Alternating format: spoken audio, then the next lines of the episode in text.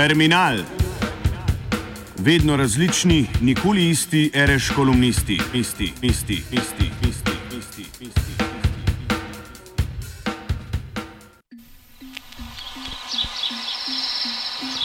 Konec zgodovine. Sedanja pandemična oziroma pandemonična dogajanja so v zgodovini brez primere. Bacili in virusi so se tudi v časih davnih dedov veliko krat pojavili kot grom z vedrega neba.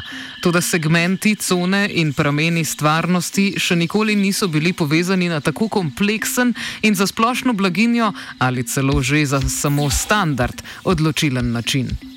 Res je, da so epski zlomi človeških skupnosti, ki so jim botrovale bolezni, že večkrat zaznamovali dobršne dele sveta, nikoli pa ne vsega. Pred njihovimi posledicami se je bilo zmerom mogoče kam skriti. Poleg krajev groze, katerih emblem je bila na starodavnih zemljevidih in globusih formula Higsunt Leones, je človek vedno mogel najti tudi tiste, ki jih je vsaj relativno ustrezno označevala besedna zveza Terra Felix. Celo velika vseevropska in še širša epidemija kuge v 14. stoletju, ki je končala zlati srednji vek in odprla na eni strani vrata njegovemu kot dimnikar črnemu sojmenjaku, na drugi pa tudi civilizaciji renesanse, se je nekaterim predelom izognila. Severne Češke in Moravske denimo ni prizadela. Sodobniki so v tem videli milost, ki jo je svojim podanikom izprosil cesar in kralj Karl IV., ki ni bil zgolj ponudnik oziroma pobudnik graditve najznamenitejšega med praškimi mostovi, temveč tudi eden najbolj gorečih zbiralcev relikvij.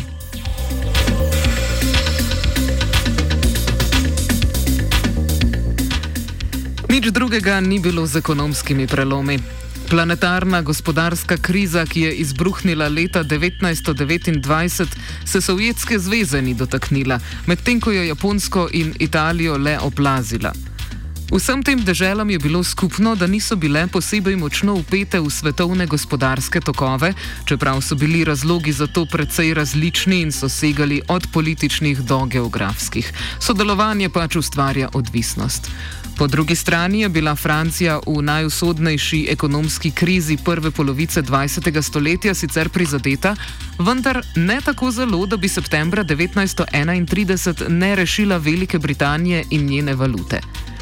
Ljudje, ki so si želeli kolapsa otoškega in svetovnega monetarnega sistema, so bili upravičeno besni na pariško vlado in na njenega šefa Pierre Lavala.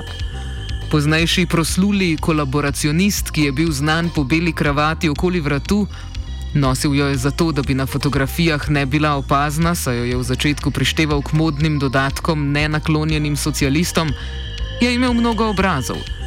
Pa čeprav so časniki poudarjali, da zaradi palindromnosti svojega primka vedno ostane, kar je. Še mnogo bolj je bila diferencirana podoba prve svetovne gospodarske krize, ki je sledila Dunajskemu borznemu krahu maja 1873. V nekaterih gospodarskih panogah se je praktično ni čutilo in v kar precej deželah tudi ne.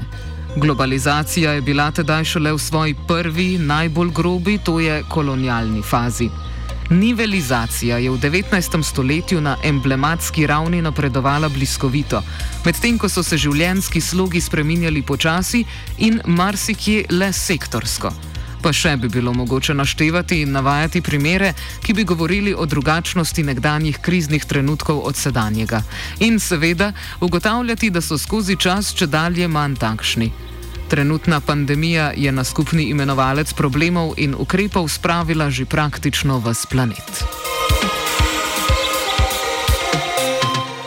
Ne mara bi se zaključek premisleka o zdravstvenih šokih in gospodarskih krizah, ki učinkovito napadajo diverziteto, lahko zmagoslavno sklenil z glorifikacijo Heglove misli, katere nespregledljivo pomembna postavka je ideja o koncu zgodovine, seveda v epohalnem in nedogodkovnem smislu.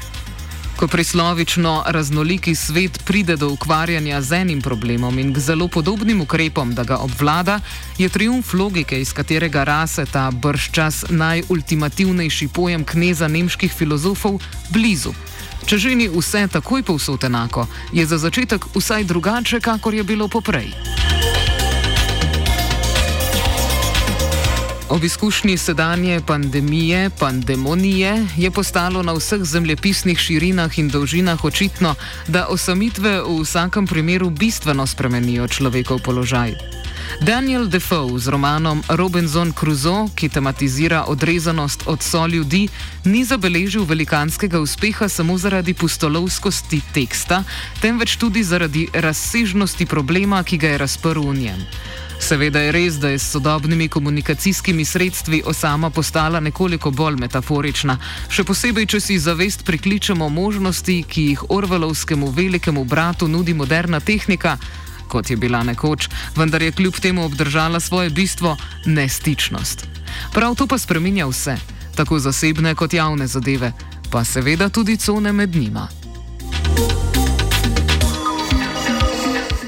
V sedanji s pandemijo oziroma pandemonijo zaostreni situaciji, ki razgalja ljudi in reči, pa se končno tudi nazorno pokaže, da je triumf hegelijanstva in koncepta konca zgodovine vendarle vprašljiv.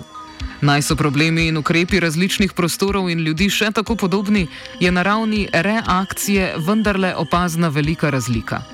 Ponekod se poudarja hierarhija problemov. Najprej se rešuje tisto, kar propade, če je izgubljeno, potem ostalo, to je vse, kar se lahko vrne, drugod se ta zanika in se ostaja v bodi si nadzorovanih, bodi si kaotični alternativnosti. V nekaterih državah prevladuje težnja po konsenzu, v drugih se poudarja pomen njegovega nasprotja. Pri slednjem ne gre nujno za disens, saj ni gotovo, da je katero koli stališče večinsko. Mogoče je postavljati hipoteze o tem, zakaj je kje reakcija taka, drugot pa nasprotna. A prej ali slej bi obtičali pri webrovskih idealnih tipih, ki bi mogoče grobo opisali stvarnost, ne bi pa je mogli zares pojasniti. A eno je gotovo. Nestičnost omogoča k večjemu racionalne odzive, medtem ko vse druge njihove razsežnosti, ki so gnezda nepredvidljivosti, daje v oklepaj. To dejansko pomeni veliko redukcijo, tudi pri reakcijah. Je torej vendarle na sporedu konec zgodovine? Vsaj njegov začetek. V svetu aseptične nestičnosti bi to že bilo mogoče trditi. A vse je lahko tudi še drugače, kakor je v Defojevem romanu o Robinsonu Crusoeju. Zgodovina se celo po svoji zaustavitvi lahko vrne.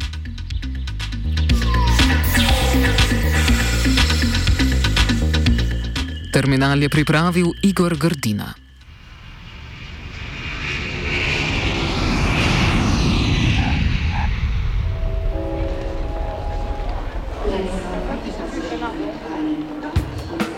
Terminal. Vedno različni, nikoli isti, reš kolumnisti, isti, isti, isti.